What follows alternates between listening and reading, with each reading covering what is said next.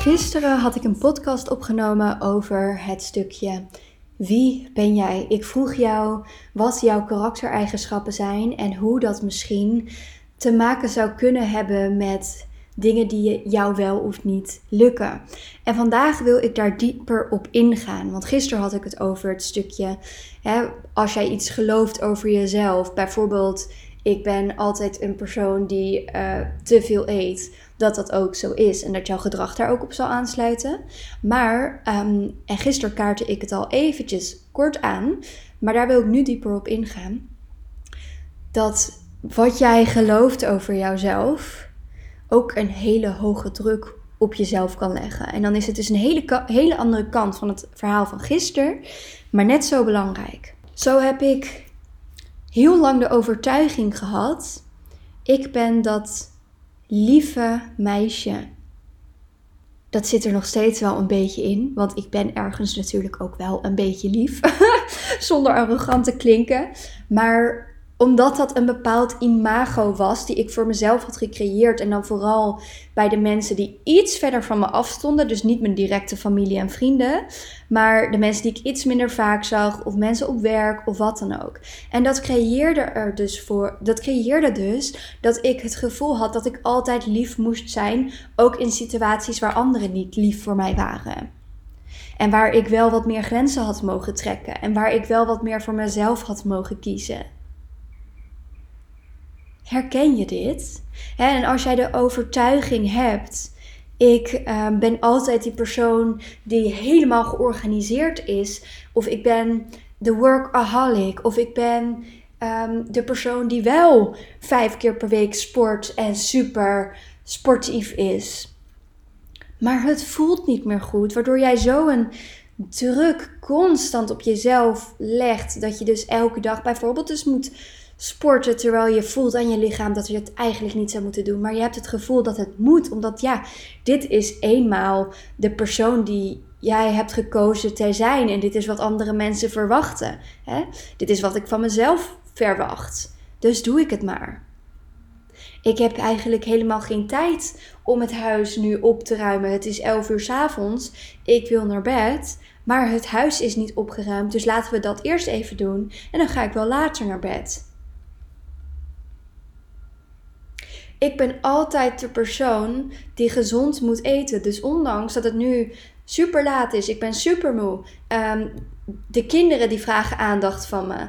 Maar ik mag absoluut niet even, weet ik veel, een pizza bestellen of iets anders bestellen of een uh, afpakpizza of wat dan ook.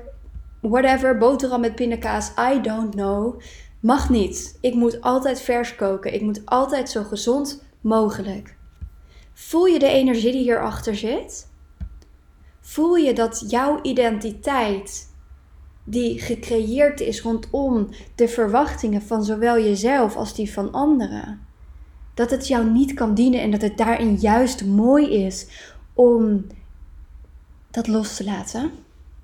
Waar dit vaak vandaan komt, is dat jij ergens in je leven hebt geleerd dat jouw waarde en misschien ook wel de liefde die jij mag ontvangen afhangt van dingen die je wel of niet doet.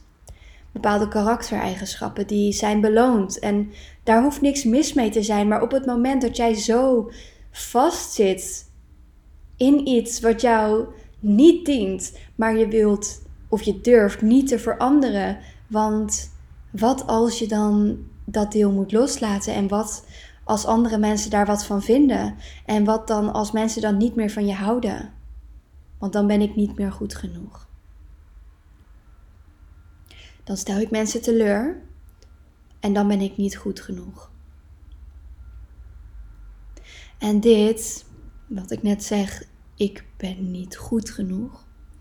Dat is waar heel veel van dit soort gedragingen uitkomen. En bij ieder persoon kan dat zich in ander, andere dingen uiten. de ene persoon die kan juist heel erg ehm, zich hechten aan bepaalde personen en die personen echt compleet proberen te pleasen en zich bewust of onbewust anders voordoen dan dat ze zijn om maar van gehouden te worden. En een andere persoon die houd juist heel veel afstand van mensen. Want wat als zij verwachtingen creëren? Of wat als ze erachter komen dat ik helemaal niet zo ben?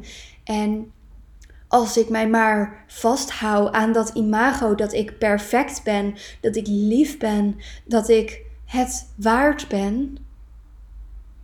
Alleen dan zien mensen ook dat ik het waard ben. Alleen dan ben ik het waard om van gehouden te worden. En dan kan ik je nog één ding vertellen. Dit heeft geen fuck, excuse my language, te maken met wat een ander vindt. Want uiteindelijk gaat het allemaal om de liefde die jij niet voor jezelf op dit moment ervaart. Want op het moment dat jij liefde voor jezelf hebt, dat jij weet van jezelf dat jij waardig bent, wat je, wat je dan ook doet, dan koppel je jezelf los van de verwachtingen van anderen. Want zij kunnen best wat verwachten. Maar ja, als ik daar dan niet aan voldoe, dan is dat niet mijn probleem. Want dat is heel vervelend. Dat kan heel vervelend zijn en dat kan absoluut naast elkaar bestaan. Maar het hangt niet af van hoeveel ik waard ben. Niet op financieel vlak, maar als persoon. Of ik het waard ben om geliefd te zijn door anderen, door mezelf. Op het moment dat jij al vol zit met die liefde voor jezelf en je weet dat je het verdient om van gehouden te worden. Ook al maak je soms een fout, ook al ben je soms niet lief, ook al doe je soms, ook al is je huis soms een troep. Op het moment dat je dat zelf kan voelen, dan word je niet zo, zo omvergeblazen op het moment. Dat er even iets van conflict gebeurt. Of dat er in ieder geval, nou ja, als er iets aan de hand is. Want dan weet je gewoon nog steeds diep in jezelf: het is oké. Ik ben het nog steeds waard. Ik ben nog steeds de liefde waard.